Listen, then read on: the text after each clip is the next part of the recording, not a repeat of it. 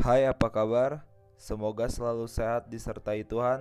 Bersama saya kembali Revivo Cesario Sinaga di podcast Rohani. Kali ini kita bersama-sama akan mendengarkan podcast dengan judul Sahabat Palsu. Pastinya kita semua mempunyai sahabat.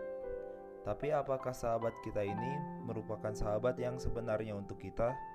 Mari kita sama-sama mendengar dan belajar di podcast rohani ini. Berbicara tentang sahabat, pasti teman dan sahabat di sini memiliki sahabat. Sahabat yang akrab dengan kalian. Di masa lalu, saya mempunyai teman. Kepada orang lain, teman saya kerap mengaku bersahabat dan sering menunjukkannya kepada orang lain bahwa saya sebagai sahabat yang baik. Namun, setiap kali saya ingin berbicara dengan teman saya, ia selalu menghindar dengan alasan sibuk. Ketika saya ingin meminta pertolongan, teman saya selalu menolak dan tidak memperdulikannya. Jadi, apakah itu dinamakan bersahabat? Sepertinya tidak, karena sahabat bukan sekadar seorang yang mengakui atau memuji, tetapi yang bersedia untuk ada ketika sang sahabat memerlukannya.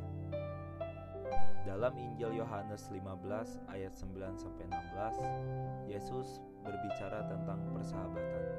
Tak diragukan lagi, Kristus adalah sahabat terbaik yang bisa kita miliki.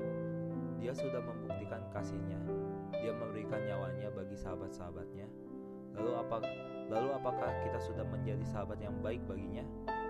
Atau selama ini kita hanya mengaku sahabat, tetapi tidak pernah memberikan waktu untuk berbicara dengannya?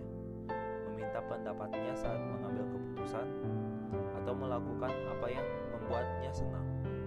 Pedulikah kita pada hati Kristus yang menangis bagi jiwa yang menghilang?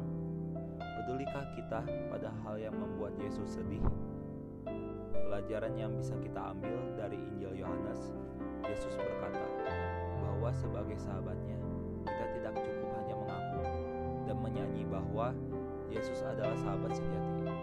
Sebagai sahabatnya, kita harus melakukan perintahnya, menghindari apa yang membuatnya sedih, selalu setia kepadanya, karena sahabat menaruh kasih setiap waktu, dalam kesesakan ataupun kesuksesan, waktu sehat atau sakit. Kristus mau menjadi sahabat kita. Maukah kita menjadi sahabatnya?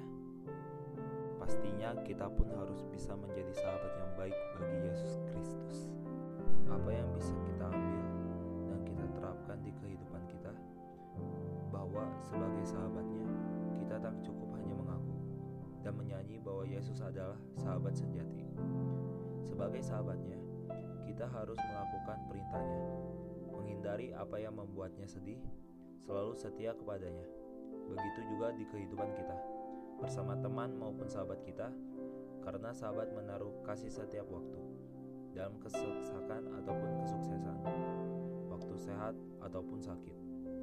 Kristus mau menjadi sahabat kita. Kita pun harus bisa menjadi sahabat yang baik bagi teman ataupun sahabat kita. Dan juga sebagai sahabat yang baik bagi Yesus Kristus. Nah, teman-teman, semoga podcast ini bisa menjadi hal baik bagi kita dan kita juga diberi sahabat terbaik bagi pertumbuhan iman kita. Akhir kata, terima kasih. God bless us.